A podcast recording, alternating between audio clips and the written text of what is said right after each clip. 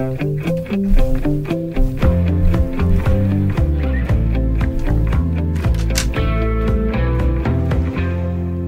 os lige tage en hurtig håndsoprækning. Vi er fire mand i studiet. Klokken er lidt over 11 her på Demokratiets festdag. Valgstederne har allerede været åbne i tre timer. Hvor mange af jer har været nede at stemme?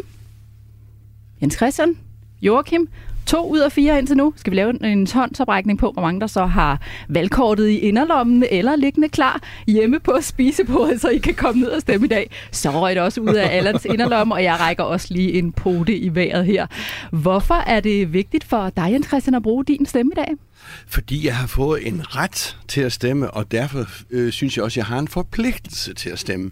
Så jeg synes, uanset om man følger med i politik eller ikke følger med, så har man en forpligtelse til at gå hen og sætte sit kryds. Demokratiet, skal vi huske, hvis man kigger rundt i verden, det er ikke en naturgiven størrelse. Hvad med dig, Joachim? Er det vigtigt for dig at kunne bruge din stemme?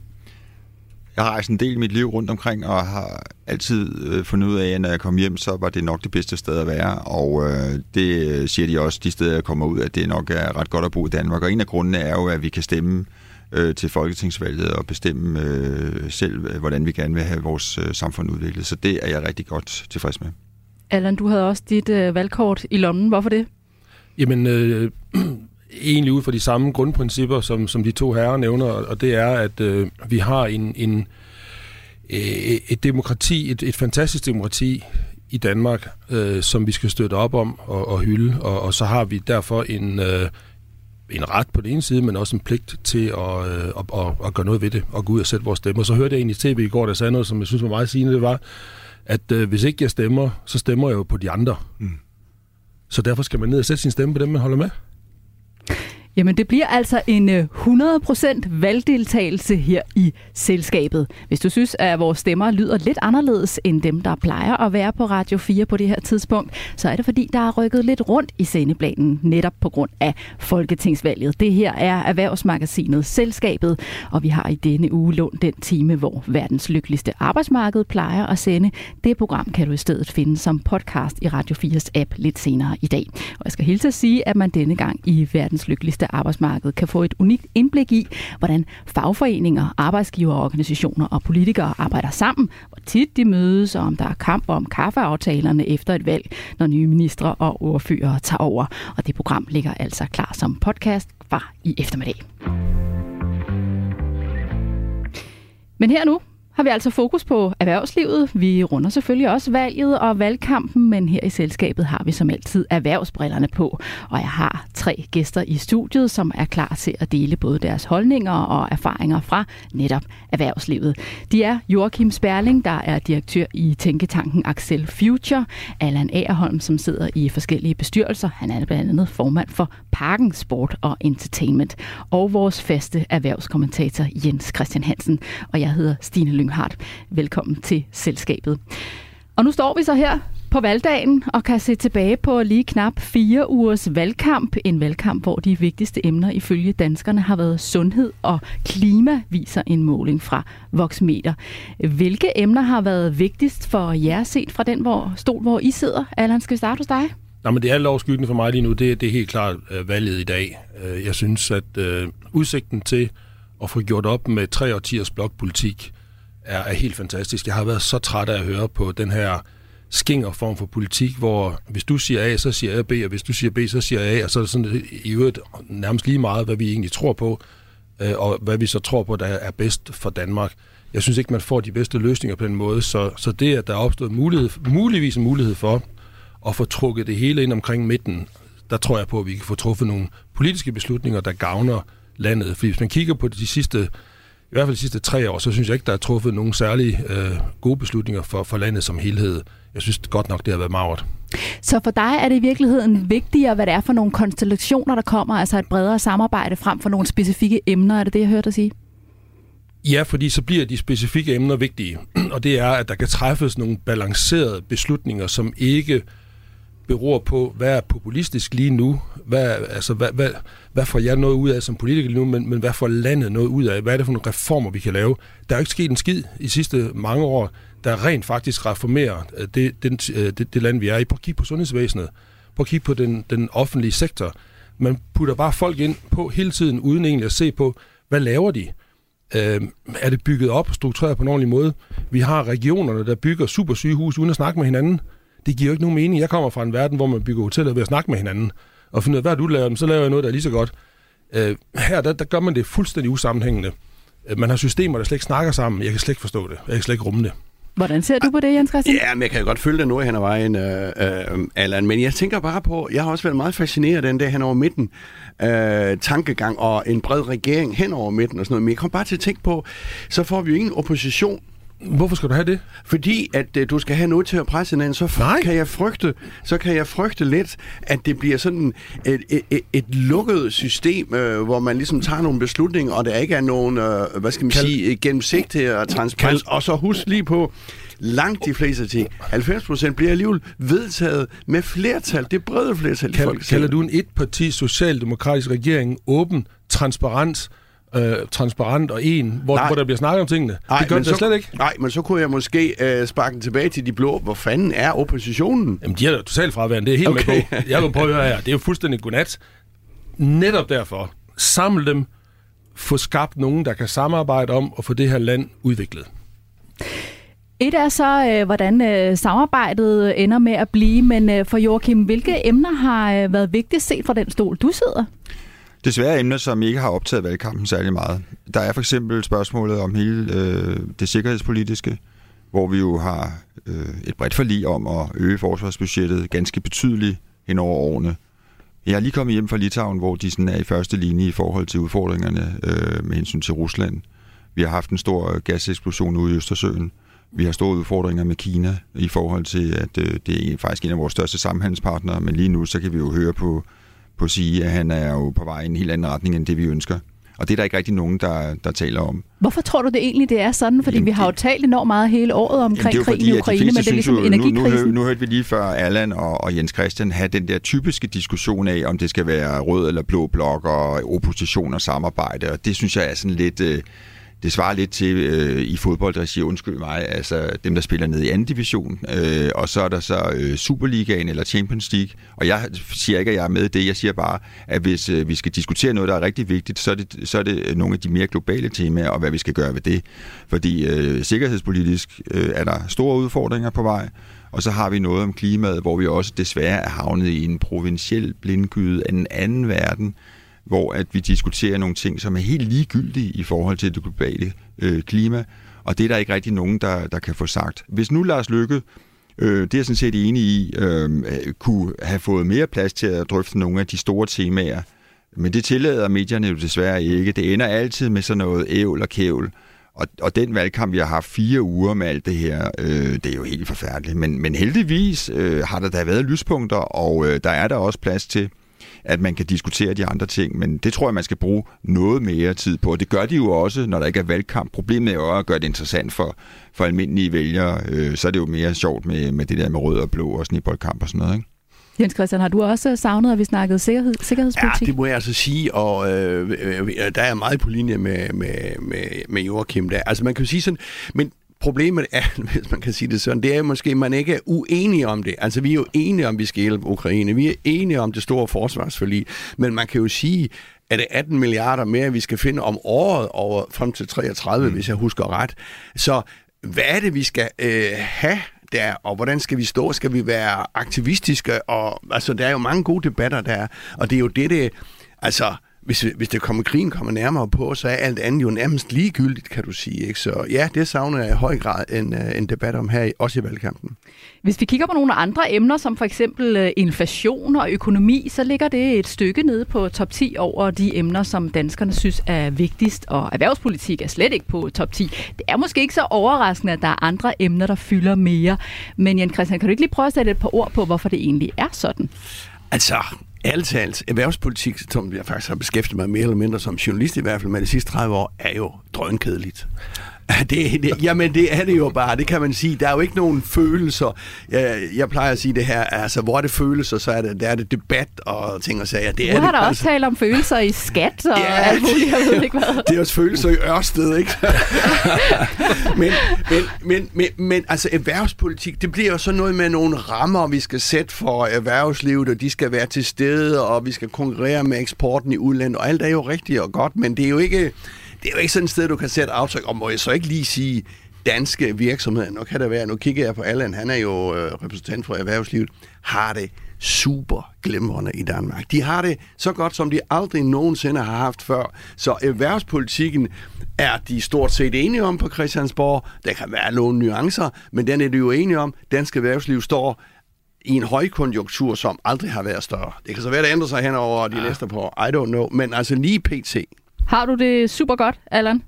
Ja, Det var da så, sådan, dejligt. sådan helt grundlæggende, men, men jeg, kan se, øh, jeg kan se de mørke skyer ude i horisonten, og øh, jeg er da helt enig i, at, at erhvervspolitik er som sådan ikke vanvittigt sexet, men, men det er voldsomt vigtigt, fordi det er der, vores økonomi den, den, den kommer fra til at, øh, at finansiere hele velfærdssamfundet. Så, så derfor er den voldsomt vigtig, og, og der er mørke skyer derude, fordi vi ser øh, eller risikoen for en opbremsning, øh, og endda en voldsom en af slagsen, den, den er til at få øje på, fordi inflationen, forbrugertilliden, øh, inflationen er høj, forbruger tilliden er i bund, og rådighedsbeløbene ude i familierne øh, svinder, øh, og, og det er der, hvor økonomien kommer fra. Nu hørte jeg dig, Joachim, sige før, at du måske savnede lidt mere substans i noget af det, vi havde, øh, havde hørt fra, har hørt fra politikerne under valgkampen. Hvad synes du, de har budt ind med i forhold til at løse nogle af de udfordringer, erhvervslivet har lige nu? Altså hvis vi for eksempel ser på inflation, vi har også talt meget om mangel på, øh, på arbejdskraft, som jo både har betydning for virksomheder og for Mm. den enkelte dansker. Ja. Jamen, øh, mangel på arbejdskraft, der er øh, diskussionen jo omkring den her beløbsgrænse. Og den kan vi ikke bruge til noget, fordi øh, det kan godt være, at øh, på Allands øh, tidligere arbejdsplads ude i Bella Centeret, der kunne de bruge nogle af de her øh, til, til lave lønninger osv., men øh, dem, vi har allermest brug for, er faktisk de højt kvalificerede. Og det ved Allan også nu, fordi det er blandt andet fodboldspillere. øh, og de hører under den her forskerordning. Men der har vi så øh, nogle problemer med at tiltrække de allerdygtigste, fordi vi jo desværre har en forholdsvis høj skat i Danmark, og øh, så kan man komme ind under den her bruttoskatteordning, men den kunne man sådan set godt udvide, hvis man gerne vil have nogle flere af den her type her. Vi mangler arbejdskraft i mange forskellige sammenhæng, blandt andet fordi vi har ført en uddannelsespolitik, som jo også er erhvervspolitik, som har uddannet en hel masse akademikere, som i dag arbejder ude i kommunerne med, med, som sagsbehandlere, og, og andre er arbejdsløse osv. Vi mangler faglært arbejdskraft til den grønne omstilling.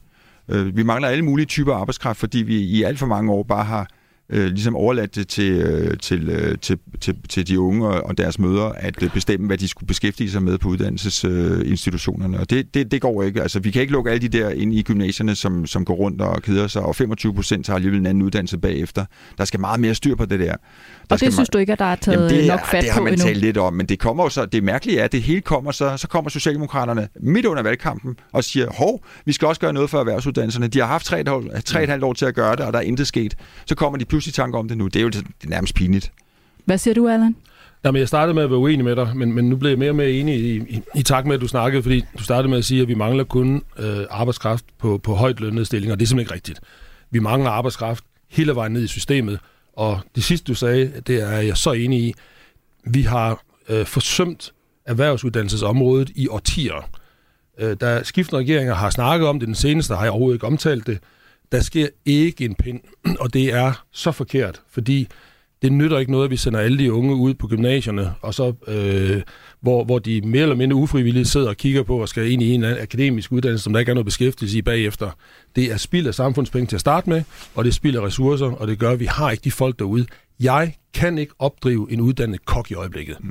Altså, det kan jeg simpelthen ikke. Jeg kan ikke finde, der er mindre end 300 i uddannelse, som tjener i øjeblikket. Det, det er jo ingenting. Altså, og vi gør intet for at få dem ind, andet end at, skære ned på uddannelsernes økonomi. Hotel- og restaurantskole herude i Valby har, har gået fra at være omkring en 12-1500 årselever til at være under 1000 nu. Og så hænger det ikke sammen mere. På trods af, at vi er verdensførende inden for gastronomi. Ja, ja, ja, ja lige præcis. Og nu er I jo meget klare i mailet her i studiet. Hvad med at stille op i politik selv? Har du overvejet det, Allan? Ja, det har jeg. Og, og så har jeg fået forbud derhjemmefra. Hvorfor det? Jamen, øh, min bedre halvdel synes, det er en meget, meget dårlig idé, fordi det, det, det, der, det, der sker i pressen, når du stiller op i politik, særligt hvis du har en erhvervsmæssig baggrund, det er, at du skal slagtes. Prøv at kigge på dem, der er stillet op. Det er sådan en, en rutinemæssig aflivning. Ah, Tom Ahlers, han blev da ikke Han slapper afsted med det. Han blev Han fejret. er en, jamen, okay, undtagelsen bekræfter reglen. Øh, Så jeg har fået forbud. Men, Men du ville det faktisk også- gerne. Nå, nå, Ja. nå, undskyld. Jeg, jeg vil faktisk gerne, fordi at, at jeg synes faktisk, at man, hvis man er utilfreds med noget, så har man en pligt til at gøre noget ved det. Det der med at bare stå og brokke sig, mm. det kan enhver idiot finde ud af. Hvis du er utilfreds, gør noget ved det. Må jeg lige stille et øh, kedeligt spørgsmål? Mm. Hvor meget betyder lønnen? Altså fordi, hvis du skulle gå ind i politik, Det kan jeg og, du godt blev, svare på. og du blev valgt ind som folketingsmedlem, jeg ved ikke, er det en 6, 7, 750.000 eller hvad det er, og det er jo en øh, pæn løn- løn, det er slet ikke det. Men du skulle jo droppe alle dine andre poster, og du kommer jo, øh, du kommer jo fra en øh, direktørstilling og formandsstilling og så videre og så videre. Så hvad var det konen, øh, hustruen sagde? Var det, var det hensyn til lønnen, eller var det hensyn til, at hun ville ikke have, at du blev svinet til? Nå, men så langt kom snakken faktisk aldrig, fordi den, den, den, den strandede faktisk på det helt grundlæggende i, at, at øh, hun har ikke lyst til, at vi og vores familie skulle udstilles på den måde. Det forfærdelige er jo, at hvis du stiller op i politik...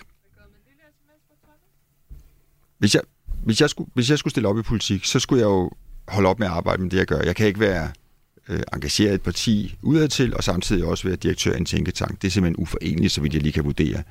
Så, øh, så skulle jeg have en periode, hvor jeg slet ikke havde nogen indkomst. Så skulle jeg så bruge min egen penge på at øh, blive valgt. Det koster en million at føre en valgkamp, hvis du skal have en, en fornuftig chance. Den kan man muligvis få via sponsorer eller andre, men det er rigtig, rigtig dyrt. Derudover, så skulle jeg jo så også gå, gå ned i løn. Nu er der ikke nogen grund til at stå og fortælle, hvor meget, men det vil være et betragteligt beløb.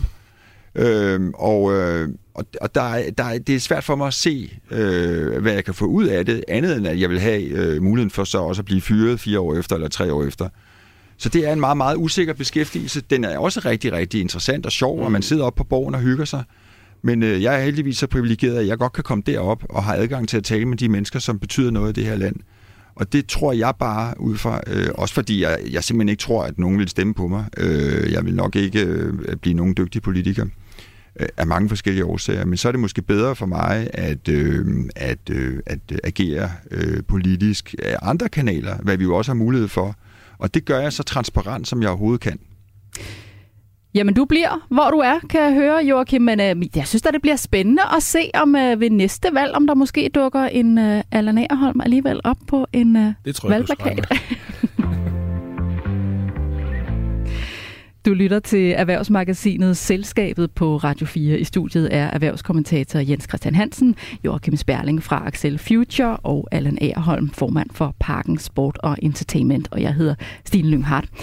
Og nu har vi talt om valget og valgkampen, men lad os da lige øh, runde nogle af de erhvervsnyheder, som ellers har fyldt i nyhedsbilledet i løbet af ugen. Jens Christian, hvad har du øh, fulgt med i? Jamen, det er jo selvfølgelig valg, valg, valg, valg og valg, men jeg har øh, lige set øh, nogle øh, de sidste tal, øh, som jo er interessante, synes jeg, i en her tid, hvor vi snakker om krise, krise, krise.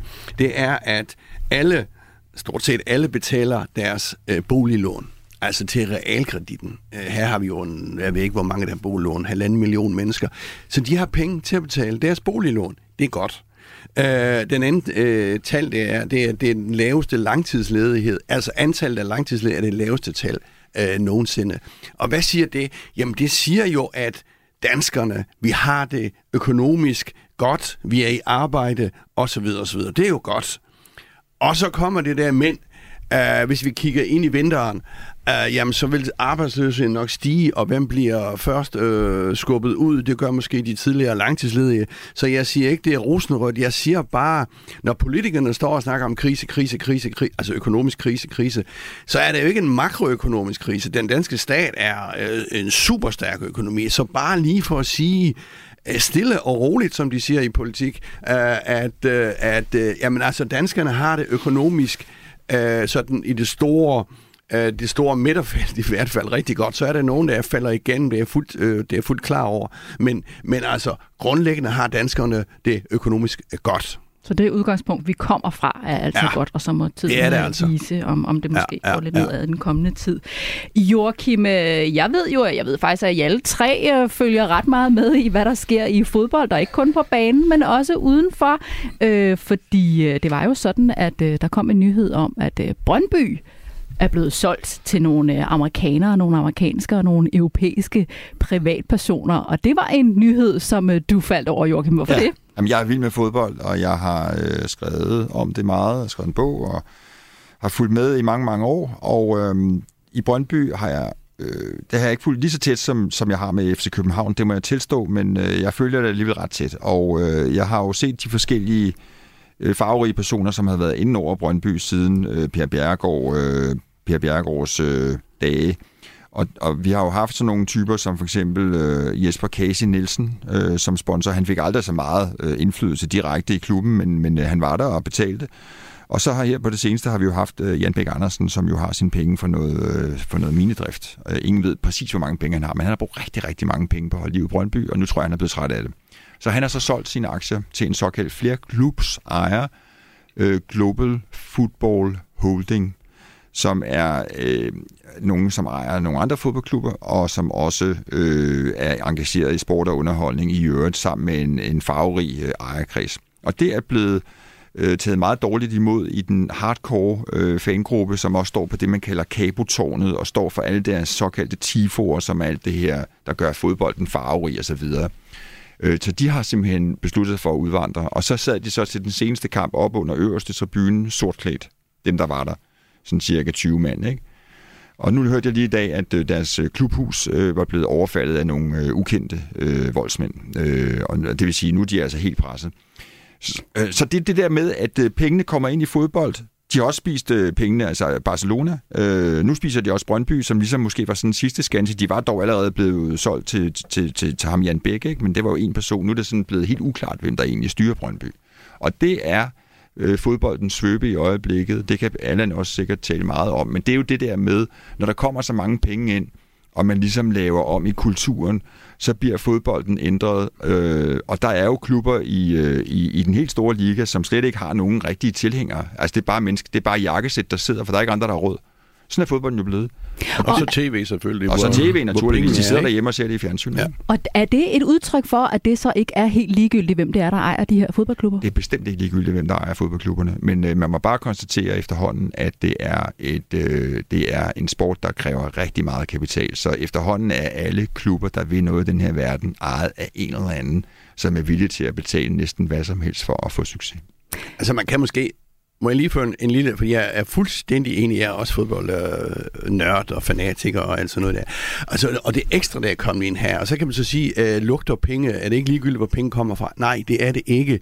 Altså, jeg, jeg vil hellere have penge fra en amerikansk rigemand end en saudisk øh, rigemand, øh, hvis jeg skal være helt ærlig. Altså bare for at sige, og så er vi over hele det der Katar-spørgsmål og det næste VM og så videre. Så det er ikke ligegyldigt, hvor pengene kommer fra, og de der ejere ude i Brøndby, de må altså stå frem.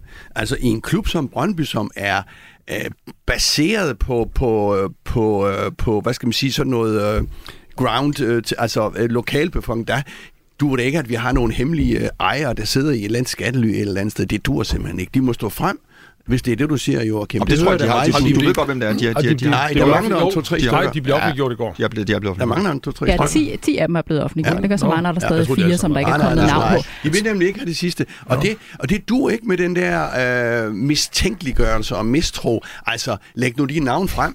Men prøv lige at høre Allan Agerholm, formand for Parken Sport og Entertainment, der jo øh, ejer FCK og ærkerivalerne til Brøndby. Øh, hvad snakker I om på kontoret hos jer i forhold til den her historie? Oh, vi snakker om meget, vi ikke kan fortælle.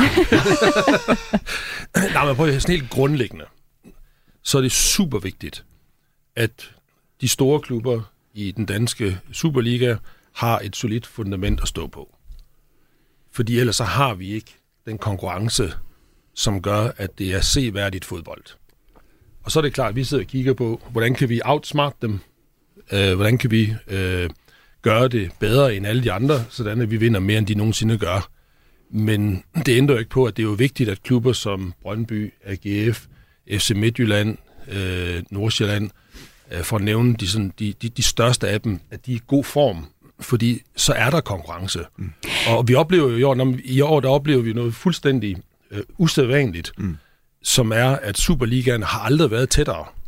Og det gør jo, og, og vi bryder os ikke om at lægge, lægge øh, sex, det skal jeg da gerne, gerne indrømme til at starte med, det er jo ikke en del af planen, men det gør jo, at, at det er et produkt, der er værd at se på.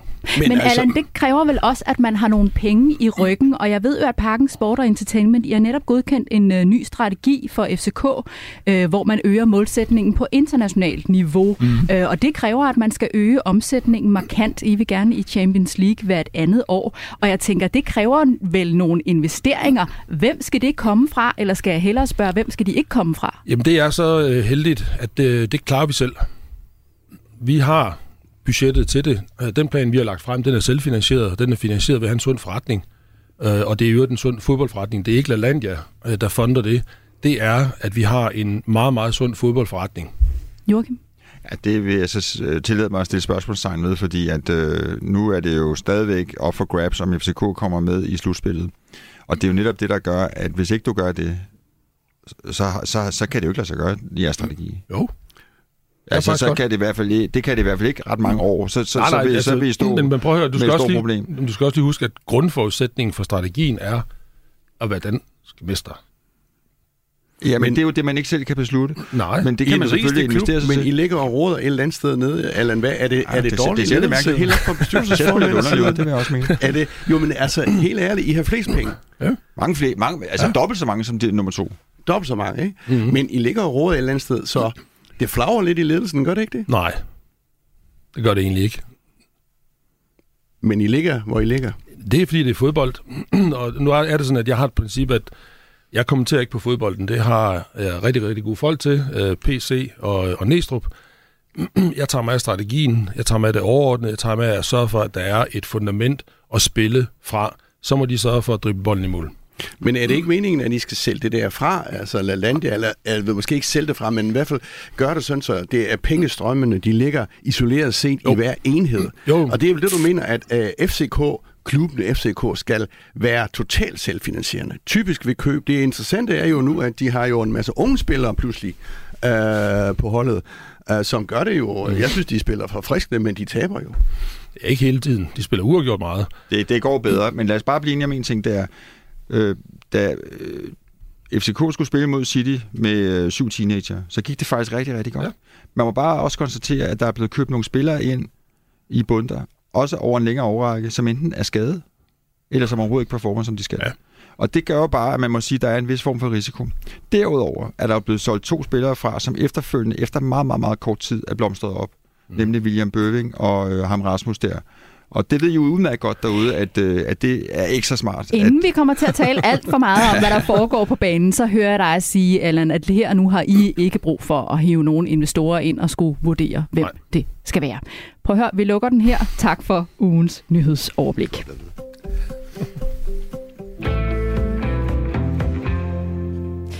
Som vi talte om i starten af udsendelsen, har klima været et af de vigtigste emner for danskerne under valgkampen, og det er der god grund til. En ny FN-rapport slår nemlig fast, at vi er kurs mod en højere temperaturstigning end det mål, som verdens ledere satte sig i Paris-aftalen om at begrænse temperaturstigningen til 1,5 grader. Lige nu er vi på vej mod en temperaturstigning på 2,6 grader, og det er vel at mærke, hvis alle lande overholder de klimaløfter, de har givet. Men hvor langt er vi egentlig med den grønne om omstilling herhjemme, og hvilke barriere er der, det skal vi have panelets syn på nu. Og hvis vi øh, starter oppe i helikopteren, hvad er så øh, status på den grønne omstilling set med jeres øjne? Hvor langt er vi, Jens Christian? Puh, her, her, er jeg jo, her, er jo, her har vi jo eksperter i studiet, øh, Joachim blandt andet. Øh, jamen, jeg er bare en almindelig jagttager der. Jeg, jeg, jeg har svært ved at vurdere det her, fordi hvis jeg forstår det ret, hvis vi snakker klima øh, på vej i mål, så snakker vi jo tit om 2030, altså disse 70% reduktioner fra udledningen i 90. Lang historie. Og det kan jeg simpelthen ikke vurdere, sådan som jeg øh, tænker, nu går vi ind i 2023, så er der ikke mange år til. Og som jeg kan høre politikere, så siger de, okay, det må den nye teknologi klare, uden at man, man helt præcist øh, ved, hvad det er for en ny teknologi. Vi har selvfølgelig nogle idéer om øh, Power to X, og, og det kan Joachim øh, forklare meget mere om. Men som almindelige borgere, tvivler jeg på, at vi kommer i mål. Jeg kan ikke sige, om vi er 40% hen ad vejen, 50% hen ad vejen. Det har jeg simpelthen ikke øh, forstand på. Men jeg kan sige, at Øh, jeg synes, at øh, klimaet er det, nu spurgte du om valgets vigtigste tema, altså det er klimaet, men det bliver jo sådan fluffy, fordi alle vil jo pludselig klimaet nu, øh, og forhåbentlig gør det, at der bliver sat mere fokus på, erhvervslivet efter min mening er foran her på det område. Det kan vi måske lige vende tilbage til. Joachim Jens Christian kalder dig eksperten, så lad os da høre, hvad er status på den grønne omstilling set med dine øjne? Ekspert og ekspert, men jeg bruger nok størstedelen af min arbejdstid på, på klima, fordi vi har rigtig mange, øh, der interesserer sig for at investere i klima, og som, som vi har noget med at gøre. Og øh, hvis man skal give en kort status på, hvor vi er i forhold til 70% målet, så er det sådan, at vi mangler i hvert fald 5 millioner tons, som man skal hente i landbruget, hvilket øh, vi kan vende tilbage til. Ud af øh, hvor mange, Joachim? Ja, men altså, du, du, du mangler du mangler faktisk, det er, jo, det er jo fordi, at noget af det er besluttet politisk. For eksempel øh, aftalen om, om grønne afgifter, den skal hen 3 millioner ton.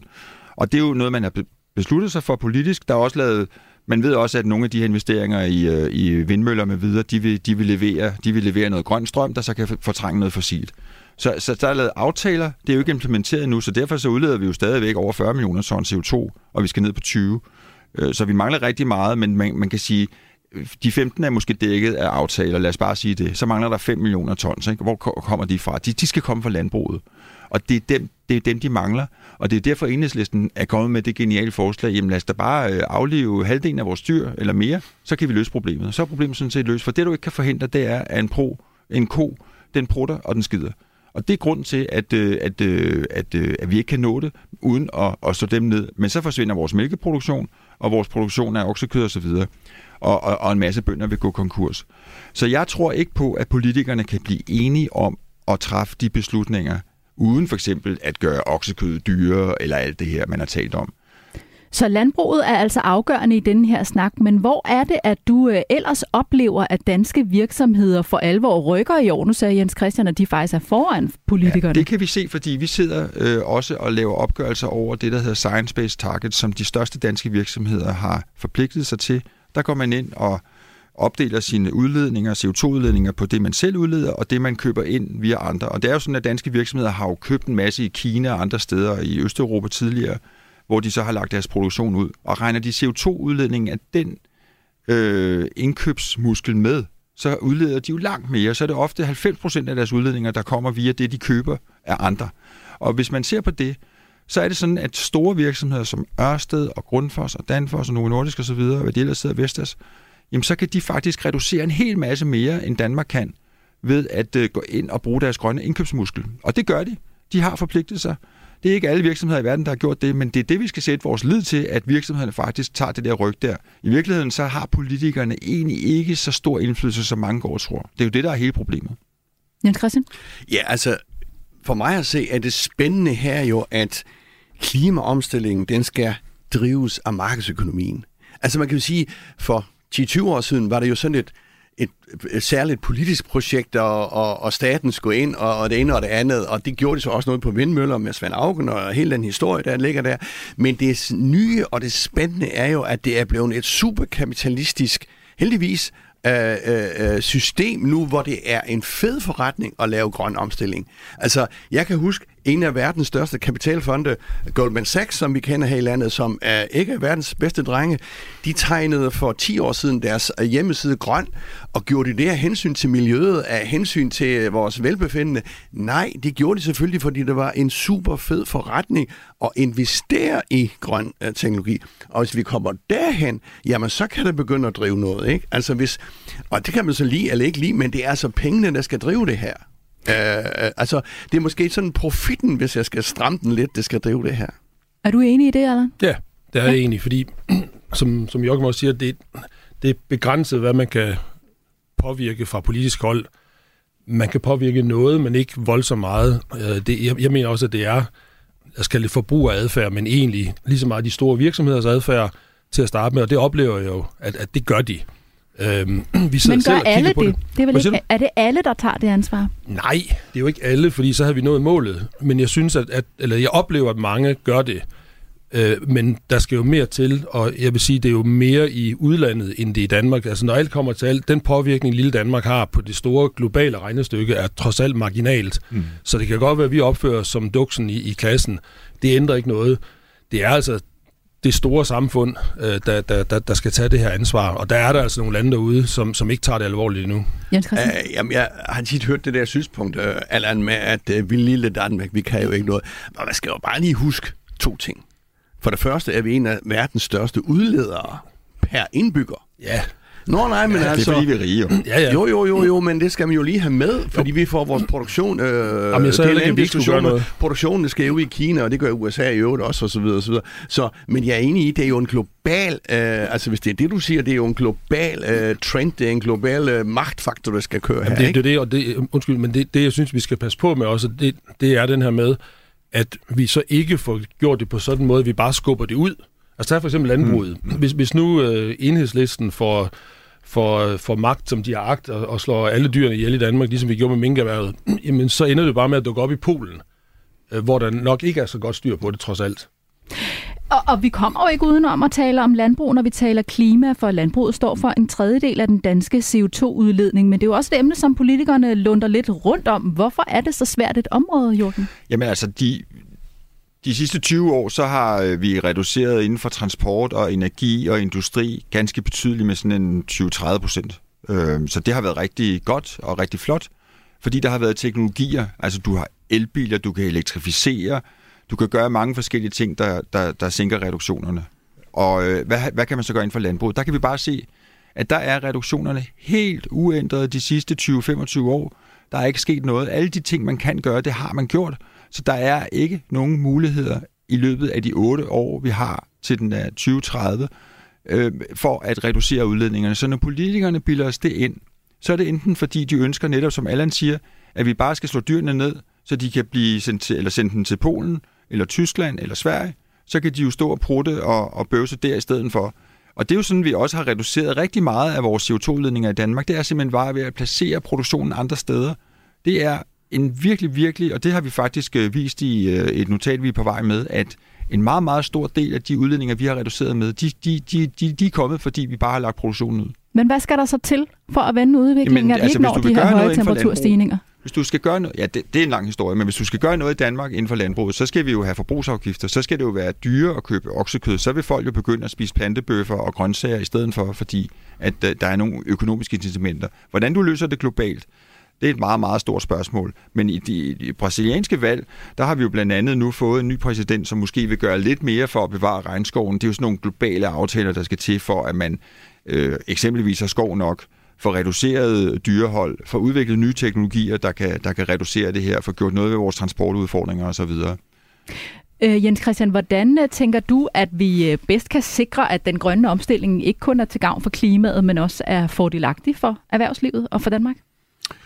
Øh, jamen altså, lidt i, i, i, som jeg sagde tidligere, altså hvis det er en god forretning, mm. altså hvis det er en god forretning, Og hvordan bliver det det? Jamen, det, det er det jo, altså øh, langt hen ad vejen, øh, fordi at øh, øh, forbrugerne efterspørger nogle andre varer. Det er jo sådan nogle øh, trends, og det, det er nogle bevægelser. Det er jo ikke noget, der sker lige øh, overnight, men hvis erhvervslivet finder ud af, at de kan sælge en vare derhen til, til den og den pris, skal de nok komme derhen. Øh, så det er den, øh, det er, øh, erhvervslivet øh, skal nok komme. Er du optimist eller pessimist, når det Jamen, kommer altså, til klimaet? Jeg er jo altid optimist, men jeg kan da godt se øh, de grå skyer og sådan noget, og det er da kæmpe udfordring, og det kan da godt være, at vi skal have en, øh, en svensk øh, Thunberg til at råbe op en gang imellem. Det er sådan set ikke så dårligt. Og vi må se, om det lykkedes verdens ledere at sætte nye mål sammen. På søndag starter FN's klimatopmøde COP27, og det finder sted i den egyptiske kystby Sharm el-Sheikh.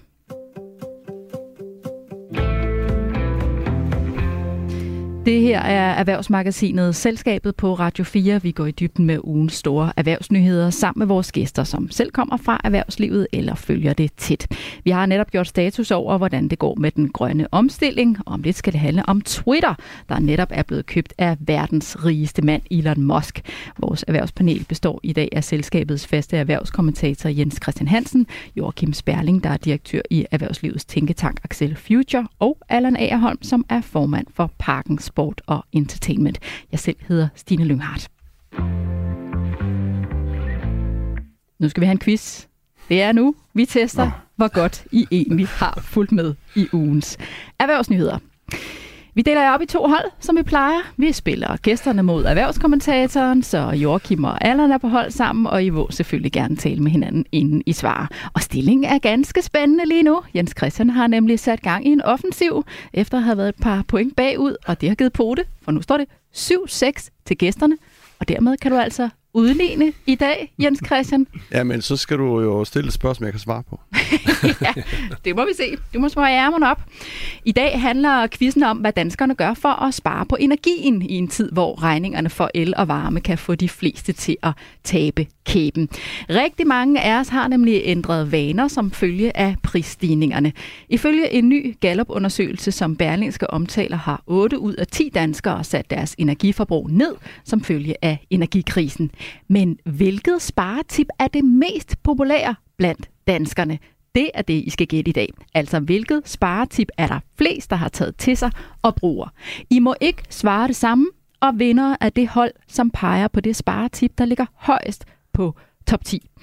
I sidste uge lovede jeg vores øh, paneldeltager Henrik Stenmann, at det var gæsterne, som skulle have lov til at svare først i dag, og det løfte holder jeg selvfølgelig, så øh, Joachim og Allam, lad mig høre, hvad I tænker.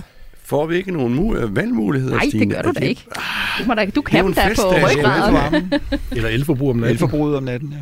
Det synes jeg, jeg hører meget. Ja, ja, altså det er jo den der app der, som øh, der er Ja. blevet udviklet, der er blevet udviklet sådan nogle strømpriser-apps, de er de mest downloadede. Altså jeg vil sige, at jeg har aldrig haft sådan en før, det har jeg nu. Men bruger du den? Jeg kigger på den her. Men du bruger det? Nej. Du, nej, det er det. Jeg sætter opvaskemaskinen i gang, når den er fuld. Men præcis. Men Jeg kan også være lidt nervøs for, at danskerne de downloader og kigger på det, og så gør de ikke noget ved det. Men øh, det skal jeg ikke kunne sige. Altså, Nej. jeg ved heller ikke, hvor meget energi man sparer. Man kan få det billigere, men du bruger måske ikke mindre. Du bruger jo mindre, hvis du skruer ned for varmen. ja, det, er- ja, det er, ja, fordi du bruger ikke mindre ved, at det bliver billigere. Nej, Du bruger den samme energi, den er bare ikke så dyr. den er bare ikke så dyr. Vi kører med at skrue ned for varmen. Okay, ja, det, Skal vi gøre det? det, det er i hvert fald godt Ja. bud. Jeg, jeg, I jeg skal- svarer, skruer Skru ned for varmen. Den anden, det er at køre langsomt på motorvejen. Jeg har læst, at folk har det, sænket det, hastigheden. det er faktisk også et godt bud. Jeg ved ikke, om den holder. Jo, det sparer du også noget på, men benzin er jo ikke blevet meget dyre. Åh, Er det? Åh. Jeg har elbil, så det har jeg det også. Men jeg sidder, og, og, når jeg kører forbi en benzintank, så sidder jeg og kigger på den og tænker, det er godt, det ikke er mig. Ja, ja, ja. Nå. Jamen, øh, og vi tager den med varmen. okay. Har du- siger, altså, skru ned for øh, varmen. skru ned for varmen. Nu har de væ- været hele vejen. Altså, har du De har været fået- hele vejen rundt, jamen, så vi svar? får en masse gode Men du har fået en masse gode idéer, så jo. Ikke? Ja, jeg har fået et svar. Det var at, øh, at skrue ned for varmen. Men gælder det, øh, må jeg lige øh, detalje her, er det sådan i det private, er det, er det på arbejdspladsen? Det er, det, det er hele privat. taget. Det er Det er det. privat. Nå, Ja. det er privat. Ændrer det jeres svar, når jeg siger det? Altså, det er jo det der med, at... Øh, nej, det, altså, for mig betyder det jo noget, at øh, alle dem, der har gas og pillefyr, Ja. De, de, de kan virkelig vinde noget ved at skrue ned for varmen, ikke? Det er man blevet dyrt. Kraften er blevet dyrt, ikke? Ja.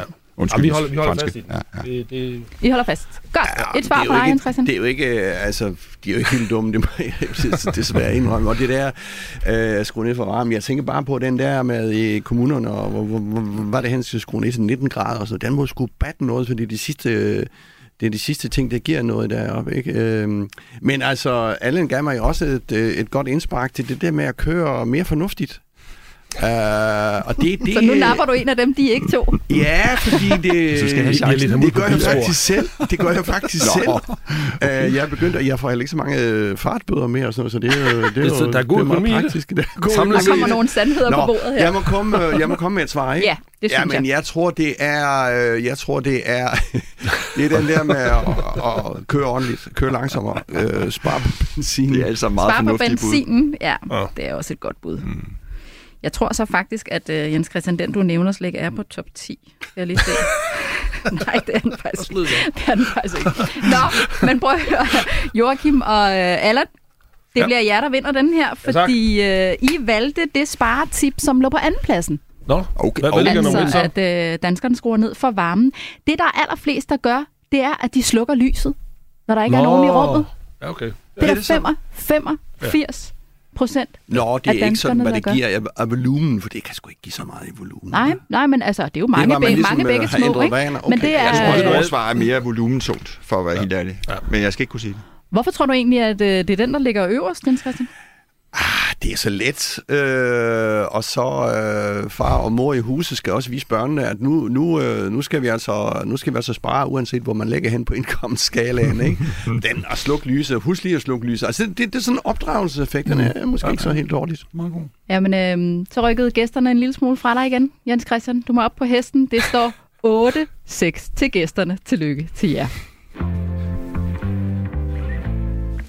Verdens rigeste mand Elon Musk er rykket ind i Twitters hovedkontor i San Francisco, efter købet af det sociale medie endelig er gennemført. Der har været en del togtrækkeri mellem Musk og Twitter det seneste halve års tid, og en retssag lå og lurede forud. Men nu er handlen altså faldet på plads, og det endte med at koste verdens rigeste mand og hans medinvestorer lige omkring 330 milliarder kroner. Twitter er en af de mest benyttede beskedtjenester i verden med flere hundrede millioner brugere over hele verden, og Elon Musk er også selv flittig bruger af platformen. Han har over 110 millioner følgere. Og noget af det første, han har gjort som ny ejer, det er at fyre flere af topfolkene i Twitter, her blandt den øverste chef. Det annoncerede han selv på Twitter med ordene, fuglen er befriet. Og nu er det seneste nye, at øh, Musk så også selv har øh, taget posten som øh, administrerende direktør, så nu øh, sidder han altså selv på toppen af den her store øh, platform. Hvad betyder det for Twitter, Allan? Ja, det er et godt spørgsmål, øhm, som jeg ikke kan svare på. Altså, det, det, jeg synes, det er en, det er en vild historie. Altså, da, da jeg sidst var herinde, der han lige announced, at han ville købe det. Så gik der noget tid, så ville han ikke alligevel. Og nu har han købt det, og nu har han købt direktør. Altså, jeg, jeg synes, det er en, en, en helt vanvittig historie. Hvorfor? Er det, fordi det er lige præcis Elon Musk? Mm, det er vel egentlig det samlede, den samlede, ja, altså det han har lavet er jo først og fremmest øh, øh en vanvittig rejse, øh, og det han render under og laver med raketter i rummet, og opfinder øh, i virkeligheden den kommercielle elbil. Altså der er ikke nogen, der har tænkt den tanke rigtigt, før han satte en Tesla i verden, og så pludselig er de alle sammen med. Så, så han har jo skabt noget stort øh, mange steder. Øh, hvad gør det for Twitter? Jeg ved det virkelig ikke. Øh, det bliver spændende at følge. Hvad tænker du, Joachim, at han sidder nu ene mand på toppen af Twitter? Altså Elon Musk er måske den vigtigste erhvervsperson i, i det her århundrede, vi har, fordi han er så innovativ. Han har skabt hele elbilsrevolutionen, han øh, flyver ud i rummet, han laver togforbindelser der, hvor der er allermest brug for det i, øh, på Vestkysten, og alt muligt andet. Så derfor, hvorfor køber han Twitter? Det svarer lidt til, når en eller anden øh, Lars Seier for eksempel køber en fodboldklub, tror jeg. Altså det er jo... Twitter er jo fuldstændig overrated, overvurderet medie. Øh, det betyder noget for journalister og fodboldspillere, og sådan nogen. Øh, men for alle andre er det, er det ret ligegyldigt, fordi det er så hurtigt, og så er det væk og sådan noget. Det sætter selvfølgelig en dagsorden, og informationerne kan sprede sig osv., men, men jeg opfatter det som et, et, et, et, et overvurderet medie. Og hvorfor han vil bruge sin tid på det, det forstår jeg simpelthen ikke. Men det er klart, at det kan selvfølgelig have betydning for valg og Donald Trump osv., øh, som jo så også er blevet inviteret ind igen, og det ville han så ikke, fordi han spiller kostbar og sådan noget. Øh, så har han så indført en, øh, hvis man er meget stor, så kan man så blive øh, øh, verificeret. Og nu skal man så betale 20 dollar for det om måneden og blive verificeret. Så det vil han altså prøve at skabe en ny forretningsmodel omkring. Og selvfølgelig kan han godt få det der til at vokse og gøre ved, og de kan tjene mange flere penge. Men øh, jeg, jeg anser det for, øh, for et, øh, altså et eller andet anfald af, af beskæftigelsesterapi øh, eller vanvid, at han har kastet sin kærlighed på det der. Men Joachim, der er jo folk, som er kritiske over for den øh, koncentration af magt, det giver et enkelt menneske, både at have kontrol over den øh, formue, han har, men øh, nu også et af de største sociale medier. Hvad siger du til den kritik? Det er øh, komplet nonsens, fordi problemet er jo lidt, at hvem, hvem skulle ellers eje det? Så kunne man selvfølgelig børsnotere det, det som, altså, som det har været. Altså, så kan det jo bare være øh, alle mulige, der ejer det. Men så længe vi har et frit marked, så må man jo sige, at dem, der er innovative og kan sætte sig noget... Altså, det er jo Mark Zuckerberg, der har skabt øh, øh, Facebook.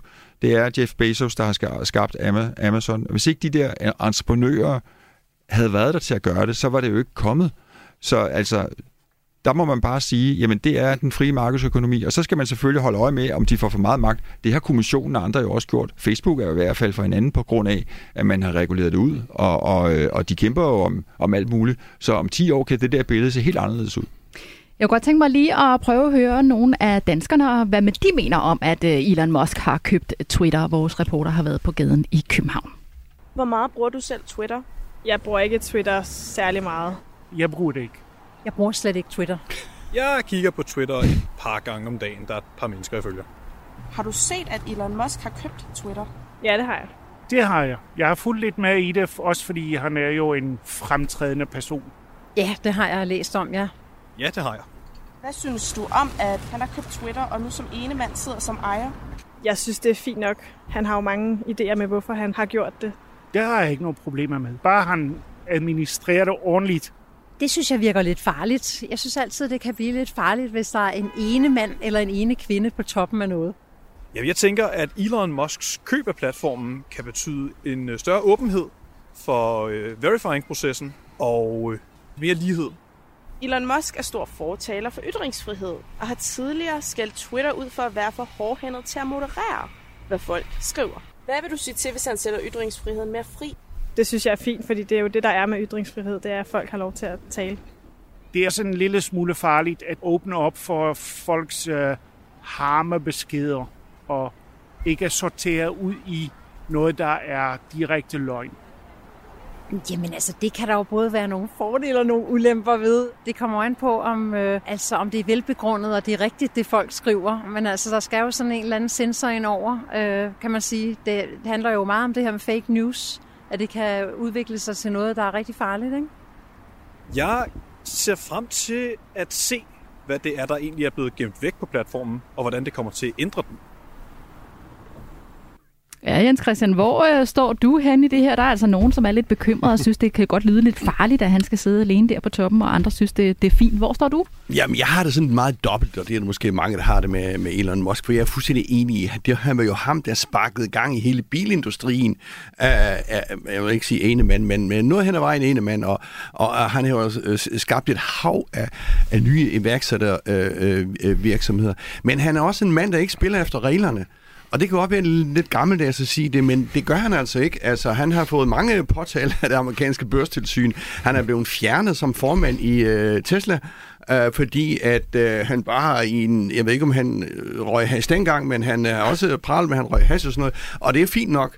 Øh, men altså, i en tog øh, sagde eller andet, som fik kursen til at eksplodere. Så du er bare nødt til at, altså du, altså, du er nødt til at have nogle spilleregler her i verden, og så kommer det der, at en mand Øh, altså, meget på Twitter vil afgøre, hvordan øh, øh, Musk lige har det den dag, øh, hvor han skal beslutte noget stort.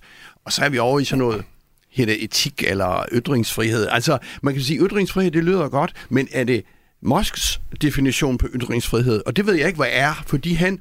Øh, og så vender jeg om, og han, øh, jeg synes også, han er fascinerende. Han er jo ikke som øh, erhvervsfolk er flest, og heldigvis. Han er heller ikke som familier er flest. Og heldigvis, altså han, øh, han er sådan øh, kosmopolit og bevæger sig rundt i sin egen øh, atmosfære. Men det er altid farligt, hvis det er så meget magt på en person. Og, og han er jo fortaler for ytringsfrihed, men han kan vel heller ikke sætte ytringsfriheden fuldstændig fri, altså fordi han har vel også nogle øh, annoncører, han skal tage hensyn til. Altså annoncer udgør ja. øh, størstedelen af Twitters ja. indtægter på årligt 5 milliarder dollar. Ja, yeah, men øh, annoncørerne har det jo med at være der, hvor kunderne er, og jeg ved sgu ikke, hvor stor Twitter er. Jeg bruger meget Twitter, men, men, øh, men øh, hvis øh, Jeff Bezos nu hører... Nej, undskyld, det var ikke Bezos, det var Elon Musk hører det her, så overvejer jeg at slette min Twitter-konto. Og så kan det godt med, at han bliver nervøs? Hvorfor? Nej, men jeg så, at uh, musikeren Simon Kvam, mm. uh, som har 150.000 følgere, så mange har jeg desværre ikke, han har slettet sin Twitter-konto i protest mod, at en mand sidder og bestemmer, hvad det er ytringsfrihed. Mm. Altså, man kunne godt forestille sig, at der kom flere uh, af sådan nogle uh, aktivister, øh, frem og, øh, og, øh, øh, og, og reageret. Og så er det jo, at annoncørerne er altafgørende her. Hvis de begynder at røre på sig, og det ved jeg ikke rigtigt, om de gør, fordi det er jo øh, et... Der er øh, en, der har gjort det. Er det det? Ja, General Motors. Okay. De er jo konkurrenter. Ja. Ikke? Nå, Så de kan jo ikke okay, være der. okay, okay. Allan, hvilke overvejelser vil du gøre dig, hvis det var dig, der var annoncør hos uh, Twitter? Altså alligevel var det ikke nogen øh, særlig. Altså, jeg, jeg synes jo, det, det er en lidt sjov snak, fordi hvis man går og tror, at medierne generelt set ikke er styret af nogen, så er man jo naiv. Altså langt størsteparten af medierne er jo styret af en eller anden i sidste ende. Om det så er en chefredaktør eller en ejer, det er sådan set ligegyldigt. Men der er jo en styring på det. Det er jo ikke sådan, at medierne de er totalt uafhængige og ikke har nogen mening om noget som helst. Så om det så er Mark Zuckerberg, eller om det er Elon Musk, eller om det er en helt tredje, der må vi se, hvad sker der så med det. Men der er også lidt nogen, der modereret øh, Twitter før ham. Og er han så bedre eller dårligere til det? Jamen det kan jeg ikke svare på i dag. Han er kun lige startet. Hvad tænker du, Joachim, der vil ske, hvis øh, Elon Musk åbner Twitter mere op? Han har jo også sagt, at han for eksempel vil genåbne tidligere præsident Donald Trumps øh, Twitter-konto. Jeg tror, at øh, den tillid, som brugerne har til et medie, øh, er altafgørende for deres engagement. Og hvis brugerne oplever, at øh, der foregår underlige ting, og man ikke kan gennemskue det, og hvis Elon Musk han, han, han, han begår nogle fejlgreb i forhold til det der, så vil, øh, så vil brugerne, og Twitter har jo nogle, det må man jo så give dem, det er jo nogle meget, meget kredsende brugere, som har stor indsigt i både politik og journalistik og medier og alt muligt andet. Så hvis der først breder sig en tanke om, at det her det er manipulation, og Elon Musk kan ikke gøre, som han skal i forhold til at leve op til de almindelige øh, hvad kan man sige, betingelser og krav, så, så falder det hele fra hinanden. Så det vil han nok undgå. Nu skal man måske lige bare deklarere her, at de har begge to Tesla-biler, Stine. ja, det var godt, Jens Christian. Vi må se, øh, om der kommer til at ske nogle forandringer med Twitter. Vi skal til at runde af for selskabet i dag. Tak til vores gæster i dagens erhvervspanel. Joachim Sperling, direktør i Erhvervslivets Tænketank Axel Future. Allan Aarholm, formand for Parken Sport og Entertainment. Og til dig, Jens Christian. Vi er tilbage igen i næste uge, hvor vi er tilbage til sædvanlig tid, onsdag kl. 10. Programmet var produceret af Beam Audio Agency for Radio 4. Tak fordi du lyttede med. うん。